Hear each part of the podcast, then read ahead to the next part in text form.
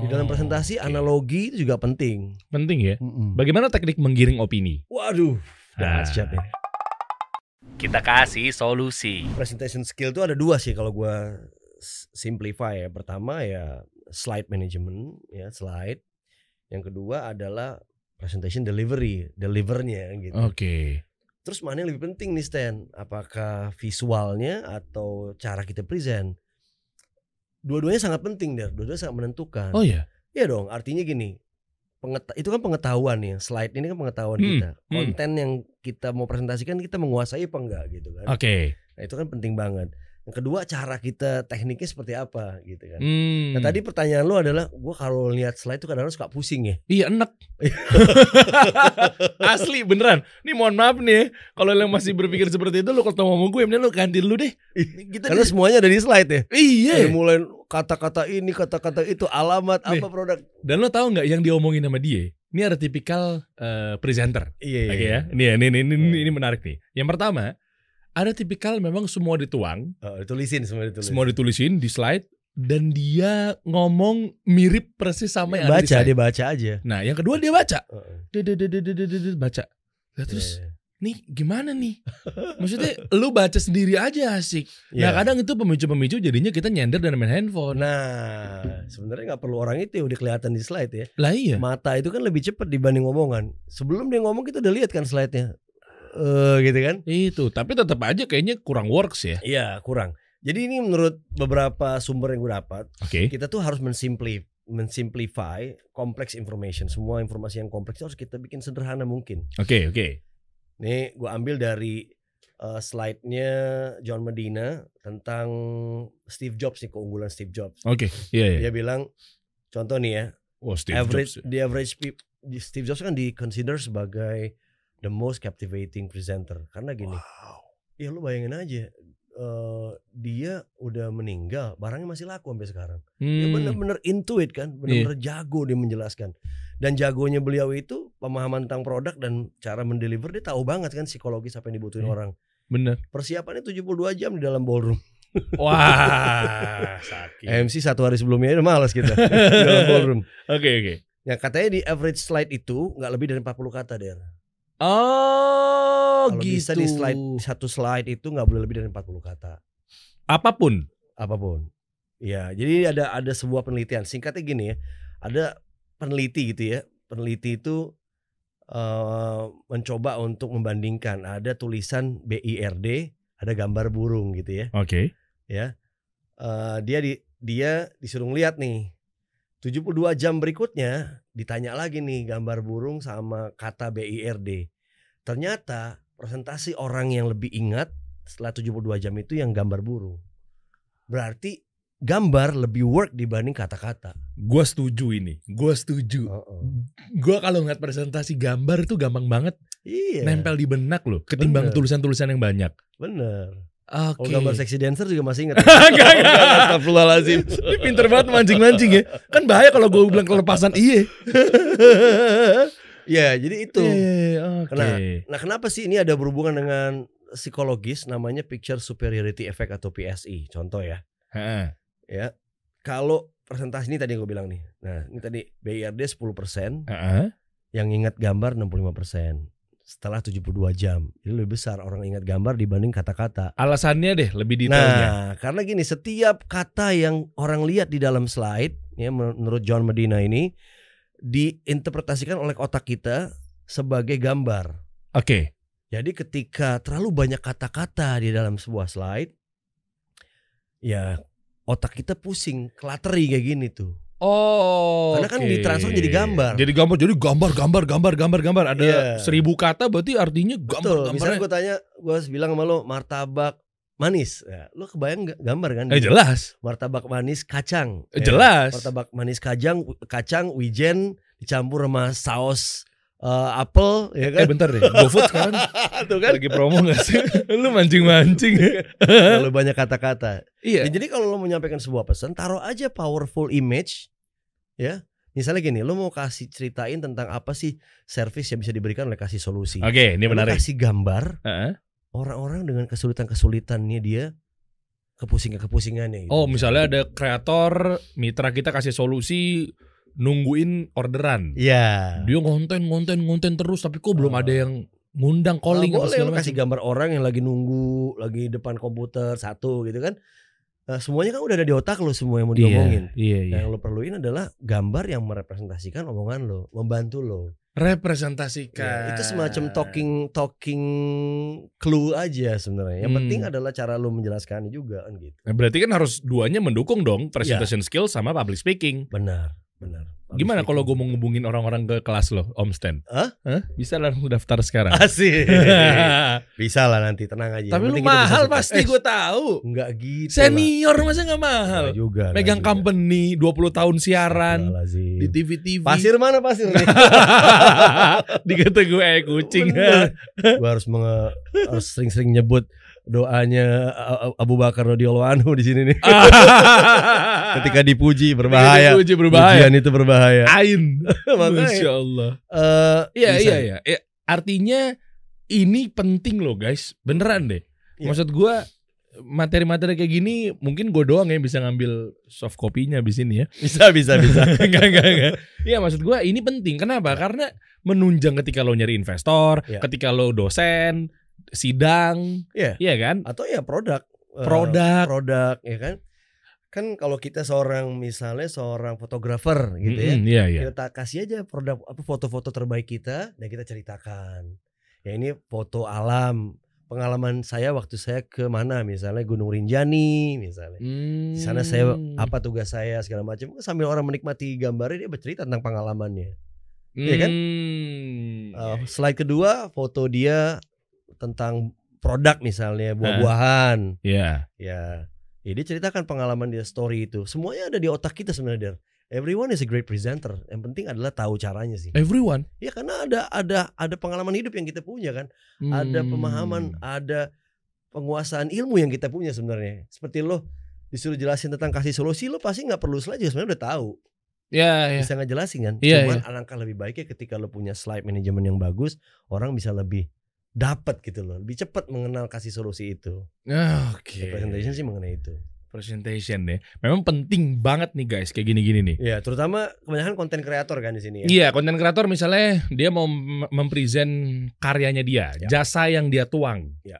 Nah, itu juga butuh ya. Iya butuh, tapi jangan utamakan keunggulan produknya dulu deh. Mendingan ceritakan dulu pengalamannya, eh, suka dukanya dia, apa karya-karya dia diceritakan dan apa dari karya dia itu solusi apa yang dia berikan kepada si penikmat karyanya. Itu lebih menarik menurut gue di explore. Oke, apakah Storytelling semua tadi. iya, semua ah itu dia storytelling. Semua presentasi, semua public speaking harus butuh storytelling, wajib. Oh enggak, enggak Enggak harus, dong? enggak harus semua. Ada beberapa hal yang memang eh, technical presentation itu memang data, tapi itu masih bisa diolah lebih menarik lagi sebenarnya data. Kebanyakan data bagus gak sih?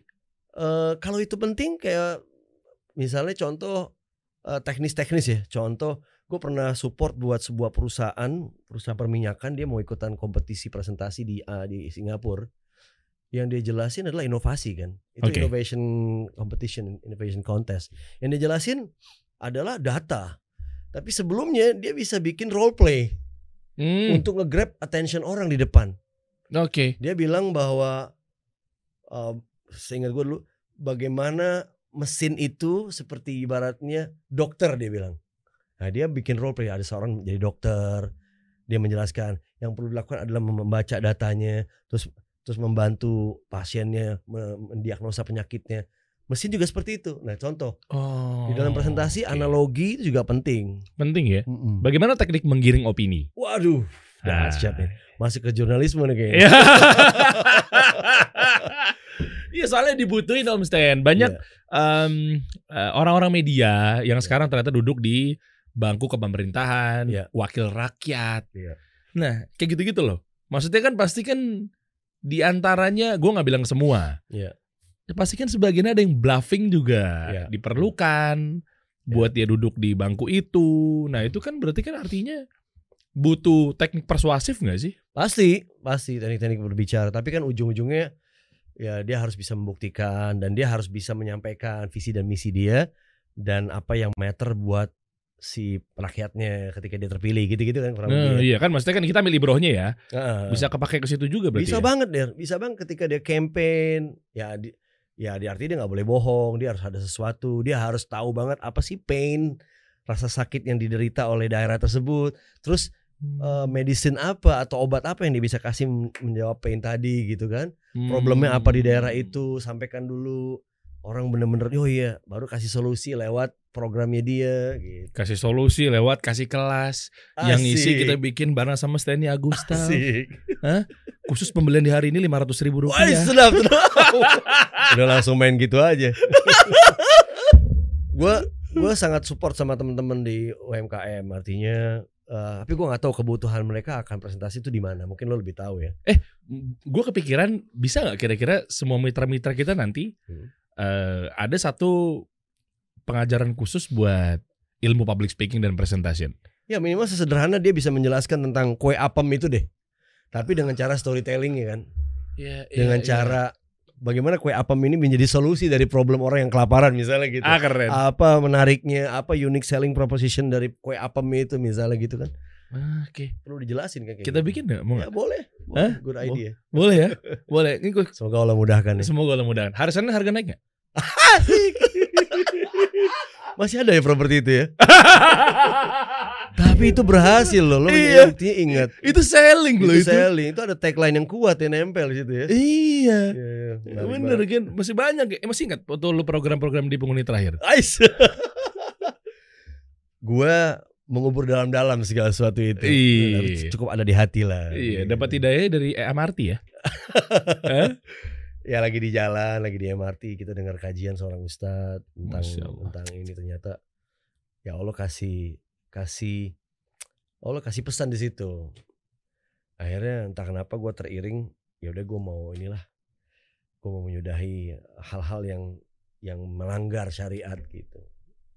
Akhirnya sekarang nyaman di dunia ini. Alhamdulillah der, gue ada rasa bahagia yang eh, apa ya indescribable feeling ya, hal yang gue nggak bisa describe. Cuman dulu itu gue pikir materi segalanya, tapi dulu gue punya uang banyak, pendapatan setiap bulan banyak dari job nge-MC, tapi gue masih sering marah-marah der, Hmm. kurang kurang kurang kurang terus gila ya. Emang kita emang jadi korban kapitalisme kayaknya. Asli. Ya kan karena kita pikir kan target target target target Iya. gitu kan. Heeh. Ya dunia dunia dunia dunia kan. Iya. Tapi setelah mengenal ini ya nggak dikasih rezeki sama Allah, tapi ya banyak rezeki yang lain teman-teman yang soleh dan baik dan pintar seperti lo. Wah, masya Allah. Teman-teman dikasih solusi, Iya. belajar nonton podcast keren kayak gini. Masya. Allah. Kamu siram pasir gak? Enggak, enggak, enggak, enggak. Kayaknya ini paling tinggi nih ratingnya kayaknya ya. Tolong aktifin. Google AdSense. Enggak, enggak, enggak, enggak, enggak. Iya, ternyata ya gue dibukakan untuk meng- mengidentifikasi rezeki-rezeki lain yang Allah kasih, bukan sekedar materi. Iya, kadang-kadang kita nggak punya uang sama sekali, masih biasa aja gitu ya, Hmm, nggak segede dulu, tapi nikmat aja. berkahan gitu ada Nah, soalnya. Om. keberkahan, gue coba nge-breakdown apa itu ke- kata keberkahan dari satu hal yang sedikit dan berkembang menjadi banyak dan nggak habis-habis itu keberkahan rupanya. Iya kan? Dari hal yang kecil bertumbuh jadi hal yang banyak, besar dan nggak habis-habis itu kan berkah. Uh. Nah, yang kita kejar sekarang keberkahan, bukan number, bukan amount. Karena kalau amount nggak ada habisnya. Mau pendapatan 300 juta sebulan masih kurang. Jelas. Iya, Iya. that's that's how Satan works, man. Eh, Satan kan selalu ngujuk-ngujukin Iya. terus gitu loh untuk bekerja habis-habisan. Gitu. kan. berubah ya gue ngeliat nih. Mentor gue nih. Masya Allah. Justru gue yang belajar sama lo di sini di podcast ini. Lah yang muda sama yang Enggak gitu. Justru yang tua harus banyak belajar sama yang muda. untuk Ya banyak hal tentang new, game kayak gini-gini kan bikin podcast podcast keren, engage sama orang jualan zaman now. Gue yang bela- belajar dari lo. Iya kan? Enggak lah jauh lah. Kita sama-sama belajar ya saling mengisi ya. iya Menarik, bener. menarik bro. Senia Gustaf. Deriansyah, aja aja. Kata gue orang India. Coba Om Stan. Yes. Coba lu cekokin gua Asik. skill-skill yang penunjang kita nih buat eh, bisa untuk eh, presentasinya oke. Ya. Nah, apa pun harus yang kita lakukan dan lain sebagainya. Sebenarnya banyak banget Eh. ribuan tips-tipsnya sih. Tapi kalau dari pengalaman gue pertama kekuatan dari riset.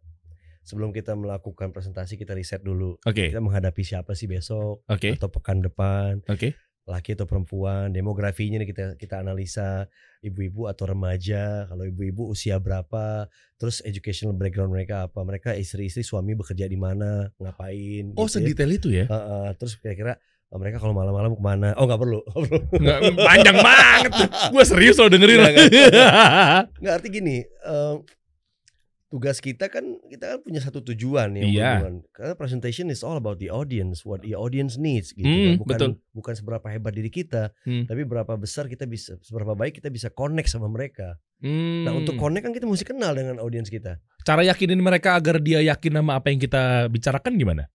Ya tadi eh, kita bicara dengan ketulusan, kita bicara dengan produk yang memang dibutuhkan sama dia. Nah, nah kita mesti tahu dengan audiens kita. Kalau audiens kita kita nggak kenal, eh, sulit untuk kita ngomongin tentang produk kita ke mereka gitu. Oh, berarti ada tahapannya ya. Ada tahapannya. presentation skill itu adalah buat yang tadinya orang tuh nggak dapat atensi kita, jadi atensi tuh betul. kena di kita. Betul itu Yang nggak butuh jadi butuh. Betul. Yang nggak tahu jadi tahu, yang nggak mau beli jadi mau beli. Ya harus ada impact. Ya. Nggak cuma sekedar ngomong kan. Terus Ada- apa aja kira-kira nih yang Ya, ini dibutuhkan? contoh tadi ya. Hmm. Eh, beberapa tips-tips yang pasti sebuah pengalaman presentasi itu harus dipersiapkan secara matang. Oke. You have to be well organized. Nggak mungkin lo yang tiba-tiba tembak di tempat. Tembak di tempat tuh tingkat keberhasilannya kecil. Kecuali lo udah level-level tinggi lah ya. Hmm. Kecuali lo seorang public speaking champion gitu dan sebagainya. itu udah terlatih, ya kan? kayak lo gini lah om. Asik. Oke, lalu. eh getting to the point artinya nggak perlu mencela-mencela ya langsung ke poinnya. Apa sih poinnya? Cuman lo bangun kan poinnya. Lo tadi yang tadi di slide gua ya Ah bener. introductionnya apa, bodinya apa, di ujungnya eh, call to actionnya apa. Getting Soalnya- to the point. Biasanya kalau nggak to the point tuh dragging ya. eh kita mesti lihat manage waktu sih Der. Eh. Waktu kita berapa lama nih sama orang? Kita kita cuma dikasih waktu 20 menit sama eh, calon investor. Hmm. 20 menit itu lo mesti manage dengan baik. Apa yang lo mau lakukan journey 20 menit itu? Misalnya di awal lo perkenalan, lo puterin video dulu seputar kebutuhan masyarakat akan produk dia, Oke. ya macam-macam. Lo mau kasih data, statistik, itu kan journey 20 menit itu mau ngapain orang, Oke. ya kan? Ya, Nah, ya. ini semua ini harus disesuaikan dengan kebutuhan si audience. Nah, selama ada relevansi dengan audience, mereka akan ikut sama kita. Tapi kalau nggak relevan sama audience, ya tadi ujung-ujungnya dia main handphone dan Bener. sibuk lagi. Bener. Udah mulai order GoFood, ya kan? Padahal buat makan malam sekarang baru jam satu siang. Udah saking bete-nya tuh. Udah saking bete-nya. ya itu dia. Iya. Itu kita musuhnya ini paling handphone. Iya bener. Ya eh, presentasi juga kita mesti nunjukin confidence. Confidence level yang tinggi itu dibangun dari latihan yang kuat. Oke. Ibaratnya ketika lo bertarung menjadi seorang petinju ya, gue perumpamaan sedikit. Lo latihan martial art, lo latihan tinju terus. Ketika lo jam 2 pagi dibangunin, diguyur air, suruh berantem, lo udah siap kan? Lo pasti berantem aja. Hmm. Lo akan ingat proses lo latihan itu kan? behavior. Sama, ya udah jadi behavior. Presentasi juga gitu. Yang terjadi di panggung adalah series of rehearsal yang lo lakuin sebelumnya gitu loh. Hmm. Orang-orang yang ahli presentasi itu udah melewati ribuan jam, puluhan jam, ratusan jam sebelumnya, bukannya cuma seminggu, dua minggu. Ya, jadi Ya, ya. latihan itu penting banget dan didapetin confidence eh, confidence itu dapetin dari latihan. Latihannya emang masih works gak sih ngomong depan kaca? Oh pasti nggak Oh, iya masalah. Cermin bisa. Cermin. Selama cerminnya nggak keberatan ya. Iya. ya lu tanya aja cerminnya, boleh nggak gue ngomong depan lagi? Bosen kata cerminnya. Iya iya iya. Confidence itu dari didapatkan dari kemampuan kita memahami apa yang kita presentasikan dan Iya. Eh, latihan yang kita apa ya waktu yang kita investasikan buat latihan. Nah, ini ada yang menarik deh. Hmm. Masih ada uh, masih zaman gak sih kita tuh public speaking atau presentation latihannya tuh dengan lion face tanpa mengecilkan uh, teman-teman yang masih gue gak tahu di slide lo ada nggak om? Eh, itu biasanya eh, warming up gua di depan, Ya, warming up. Tapi gua. ada loh banyak-banyak oh, uh, iya, public Lion speaker Face tuh latihan senam wajah gitu-gitu. Ah, ah, kan. yang oh gitu. Itu bagian yang penting juga deh. Masih bisa juga ya? Masih kepake ya? Kepake karena di bagian dari presentasi itu kan dari dari public speaking itu kan kita belajar tentang teknik mengelola suara kan, tone. Iya. Di situ kan banyak tuh ada artikulasi, ada mainin intonasi, ya kan? Oh iya. itu kan semua itu. Nah, untuk artikulasi lancar kan kita mesti Iya, meregangkan benar. otot-otot pipi. Itu kepake banget dari zaman-zaman lu siaran. Jangan dilupain banget lah siaran dulu. Iya. Teknik-tekniknya. Iya iya iya iya iya Ya iya. kan? Iya. Itu yang tadi ilmunya nggak nggak nggak haram menurut kita. Tinggal Hmm. kita kita perbaiki dan kita renew, kita perbarui dan kita lakukan inovasi di situ. Iya, Oke. Ya itu contoh ya. Nah, juga dalam presentasi penting melak- apa menunjukkan ketulusan. Hmm. Jadi yang terbaca sama orang tuh adalah ketulusan kita dalam presentasi. Kalau di kita jualan produk kita ngerti banget produk ini cara buatnya, Hmm. bagaimana cara bikinnya, terus gimana cara jualannya, apa keunggulannya dari dari bahan apa. Itu kan sincerity, ketulusan. Hmm, iya, iya. Nah, ketulusan tuh nggak pernah ada ketika kita nggak benar-benar terjun di dalamnya. Passion. Passion itu itu nggak bohong itu. Berarti kalau kita nggak punya passion di dunia public speaking, eh, berarti presentation skill kita buruk. Bukan buruk sih, artinya itu penghambat. Ya, you must love what you do kan itu hal Hmm. sederhana aja kan. Iya, iya, iya. harus iya. mencintai apa yang kita lakuin. Kalau kita masih bermusuhan dengan tampil di publik, menjelaskan tentang produk-produk kita di hadapan calon customer atau calon klien, masih dredek atau masih deg-degan atau masih masih jadi momok gitu, ketakutannya gila-gilaan. Nah, itu kayaknya harus dibongkar ya, harus diurutin apa kendalanya. Oke. Nah, juga Wah. penting enthusiasm. Iya. Eh, kayak orang-orang kayak lo mungkin gak kesulitan membangun antusiasme kan ini modal loh. Yang Iya, orang iya. lihat dalam sebuah presentasi adalah emosi. Iya. Emosi kan Iya. ketika dia ngomong nada aja gini dia bermain intonasinya wajahnya dia mengeluarkan semua body language-nya itu kan juga kelihatan Oke. gitu enthusiasm is very important Banyak yang kendala tuh, artinya lo harus dilatih ya, dilatih butuh mentor gitu ya. Bisa bi- bisa dilatih Hmm. sendiri tapi zaman sekarang kan dia bisa belajar dari YouTube Iya, dari mentornya berbagai- digital maksudnya ya. bisa bisa atau dia Oke. datang ke forum-forum dia bisa datang atau dia berinteraksi dengan orang-orang yang punya interest yang sama dan sebagainya Nah, Oke. gitu sih dari kurang lebih banyak Nice, sih yang mau diomongin semuanya. tapi kayaknya uh, Ini- ini- inilah ini. ya Ini berapa berapa hari kelas nih satu eh, materi ini? Biasanya 8 jam ini. 8 Dalam- jam. Ya kalau gua ngajar eh, teman-teman bisnis, gua 8 jam. Sebenarnya yang gua kasih is not a rocket science gitu loh. Yang gua lakuin adalah gua cuma memfasilitasikan teman-teman eh, untuk mempraktekkan Hmm. eh, metode-metode baru. Gitu dan mereka hari-hari udah ngejalanin ternyata surprisingly. Oh iya. Iya, Cuma kita cuma ingetin aja, kita cuma kan ngomong kan orang hari-hari ngomong gitu. tapi gue nggak setuju om lu setiap hari ngelakuin tapi nggak semudah itu.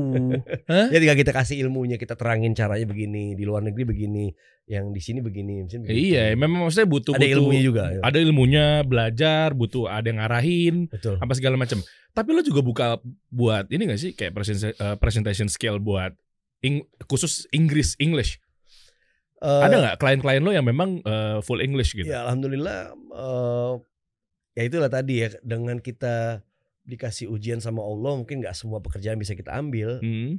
Kita dikasih kelebihan sama Allah untuk berpikir lebih kritikal dan berpikir lebih kreatif untuk menemukan opportunity opportunity berikutnya. Oke, saya nggak bisa nge-MC acara-acara yang gembira-gembira selalu ya kan. Hmm. Tapi acara bisnis bisa saya ambil. Terus ngajarin presentasi bisnis bisa juga. Nah ternyata ada tren eh, first generation dari perusahaan-perusahaan itu pengen ngelatih anaknya untuk meneruskan bisnisnya. Ah ini penting. Ada tren Ada ya. dan bisnisnya itu relate kepada bisnis internasional karena ada stakeholdernya dari luar negeri kan. Hmm. Orang tua orang tua yang punya bisnis itu lagi eh, breeding anak-anaknya udah mempersiapkan supaya second generation ini tampil. Iya. Nah sebelum tampil diperkaya dulu ilmunya. Macam-macam kan? Ah, Oke, jadi bapaknya nih cuma nyuruh anaknya urusan dagang bisnisnya doang. Iya bapaknya ngasih tahu tentang A to Z tentang bisnisnya, tapi Oke. dari sisi aspek-aspek teknis ya bapaknya manggil kita untuk bantu anaknya presentasi dalam bahasa Inggris. Ajarin dong mas, gimana caranya? Hmm. Ya alhamdulillah Allah udah kasih kesempatan dulu zaman zaman masih muda kuliah kita sempat ngajar bahasa Inggris ya kita gabungin deh tuh. Di mana? Lia, ILP? Gue sebut semuanya nih. Zaman dulu banget. Iya. Ja- Di Lia dulu zaman di Lia. Zaman Lia ya? kuliah dulu zaman kuliah. Kuliah ya. Ijazah ingat zaman susah dulu. Ijazah inget zaman susah. ya dulu dibayar antar ngamuk lagi ya. Enggak, lo nggak apa-apa. Berapa dibayar? Sebelas ribu per jam gue dulu. Di Lia. Di Lia dulu. Jadi gue zaman lulus SMP gue belajar di Lia. Gue nggak punya uang kan untuk bayar kuliah. Gimana caranya orang tua gue nggak tega kalau ngelihat mereka suruh bayarin dan mereka kayak udah ngibarin bendera putih ya gitu. gue tau lah ciri-ciri tapi mereka pengen bantu tapi akhirnya gue tanya-tanya di Lia gimana caranya gue bisa ngajar di sini tanpa uang oh bisa lo ikut aja ini kalau lo passing the test lo akan dapet eh apa namanya eh, sponsorship Oh. Iya, akhirnya gue ikutan namanya uh, T3E Teacher Trends of Techniques of Teaching English di LIA. Ya alhamdulillah qadarullah Allah izinkan gratis. Lu itu mahal banget sih. Iya. Belasan juta dulu. Gue dulu nggak sanggup masuk kuliah, akhirnya gue ke ILP. Bintaro. bagus bagus sama-sama bagus. Sama-sama bagus ya? Enggak, tapi waktu itu Lia lebih mahal om. Iya. iya, makanya nyokap gue udah udah cari yang murahnya ILP. Iya. Tanpa mengurangi rasa hormat ILP ya. Oh enggak dong, enggak. Iya, Kita iya. kan sharing ya pengalaman. Yang kuning tuh, Iya. Lia biru kan. Iya. Bintaro dulu. Ya akhirnya gue eh untuk memba untuk membayar itu ya gue harus ngajar di sana eh, 10 eh, 8 jam sehari. Jadi Hmm. pulang kuliah gue naik kereta gue pasang dasi di dari kereta padahal bau keringet ya kan. Semester 3 kalau nggak salah. Masuk ke kelas gue semprot-semprot dikit ya ngajar. Murid-murid gue ada TNI, ada ibu-ibu, ada orang wah, Oh. gitu. Those years lah gue nggak akan pernah lupa itu Allah kasih Allah kasih kemudahan buat kita berbagai hal. Nah ternyata ilmu itu setelah tahunan tahun 95 waktu itu sekarang masih kepake sama kita. Ini loh, yang namanya hijrah tuh bukan berarti lo meninggalkan skill yang lo punya. Enggak. Ilmu dunia tuh mubah bro. Iya iya. Iya kan, sampai ada dalil yang melarang. Yap. Artinya boleh. Beda dong sama ilmu agama dong. Ya. Ilmu uh, agama pada dasarnya terlarang nih. Ya. Haram sampai ada dalil yang membenarkan kan. Betul. Nah berarti ternyata sekarang kepake tanpa lo harus buang itu kan. Kepake, kepake. Ya Iya. kalau boleh sedikit menceritakan nikmat dari Allah ya. Eh, tahadus bin nikmat istilahnya kan kita Hmm. menceritakan nikmat dari Allah. Kalau perusahaan-perusahaan cari MC berbahasa Inggris tuh opsinya sedikit. Iya. Salah satunya gua. Gua Iya. gua, gua dipercayakan. Siapa lagi ya biasanya? ya? Eh, ada beberapa ada Uli Hardinansyah, Oh, ada Uli, iya. cowok-cowok ya, ya. Nah, padahal modal gue itu tahun 90-an dulu gue belajarnya. Hmm. Sampai sekarang masih kepake. Nah, yang gue lakuin apa sekarang mengasah aja ya, gue asah, gue perdalam. Bahkan gue sekarang tuh lagi sering ikutan-ikutan percakapan-percakapan di clubhouse kan ada pra- English practice, Ih, English practice untuk maintaining practice gue karena gue kan nggak bisa latihan bahasa Inggris. Oke. Eh, nggak nggak mungkin gue sama istri gue latihan bahasa Inggris ngomongnya bahasa Inggris mungkin kita mungkin lokal ya kan. Tapi kan di rumah juga lo pasti lo ngomong bahasa Inggris Ya kan? sedikit sedikit lah. Jadi gue akhirnya di clubhouse suka ngintip-ngintip ada English practice gue ikutan ngobrol dengan moderatornya untuk maintaining aja dan Iya iya. ternyata masih kepake ilmu-ilmu yang dulu sampai sekarang. Jangan ditinggalin. Ah. Ya, sekarang kita pakai di jalur yang Allah ridhoi dah. Gitu. Masya Allah. Penting menge- me- mengejar ridho Allah itu sangat penting. Kalau udah dapat di ridho itu, insya Allah Allah bukain jalan dan kita juga dapatnya uh, outcome-nya kita bahagia gitu. loh. Barakallah fi. Barakallah. Banyak belajar gue malu jadinya. Ya kita teken kayak- kontrak buat bikin kelas. Gue banyak yang pengen gue ceritain, cuman Apa? Enggak ini kan banyak, cuman eh, waktu kan terbatas. Eh, ya udah gini Iya. aja dari semua yang ada di sini. Hmm. Ini gua coba telaah, Asik. rangkum, Heeh. gue jual. Asik. Boleh. Gimana? Hebat nih orang ini. Iya. Palu gada juga deh. apa lu? Lu apa yang dijual ya? bagus, bagus. Kasih solusi. Kasih solusi. Iya, ini Iya. mahal ini. Iya, Dalamnya iya. baru dipirit-pirit. Amin, amin, amin. Iya, bagi dua kongsi nasi. Ah, siap. Susah amat. Tapi yang paling penting adalah gini, Eh. kita udah me- men- mereguk nikmatnya dunia, Hmm. entertainment, eh, TV, radio. Paling nggak eh, kalau gue pribadi sekarang gue pengen bisa support apa ya untuk membalas semua nikmat yang Allah kasih kepada teman-teman juga. Salah satunya datang ke sini. Gue ber, ber- berharap ini bermanfaat buat teman-teman. Kalau teman-teman ada kesulitan, pengen bertanya, jangan ragu-ragu. Hmm. Eh, kalau lihat manajer gue, Derry atau DMin gue langsung ada kesulitan presentasi, Iya, dia mau ceritain apa besok ke dosennya, gimana Bisa ya? caranya dia ngomong. Bisa Bisa bisa, DM gue aja DM di Instagram gue atau lewat lu juga boleh. Enggak dong, ada urusan. Gak apa-apa sih, enggak serius. Gue pengen bantu mereka lah. Hmm, iya iya Karena iya. gue udah iya. banyak dibantu dulu sama Allah. Iya bener. Hmm. ST Agustaf. Udah langsung tanya-tanya. Iya, Stag Gustaf. Iya. Boleh, boleh. Boleh. Boleh lah nih insya Allah mudah-mudahan menjadi solusi banget. Om Steny Agustaf. Deriansyah. Jazakallah khair. Oh, jazakallah khairan. Alhamdulillah.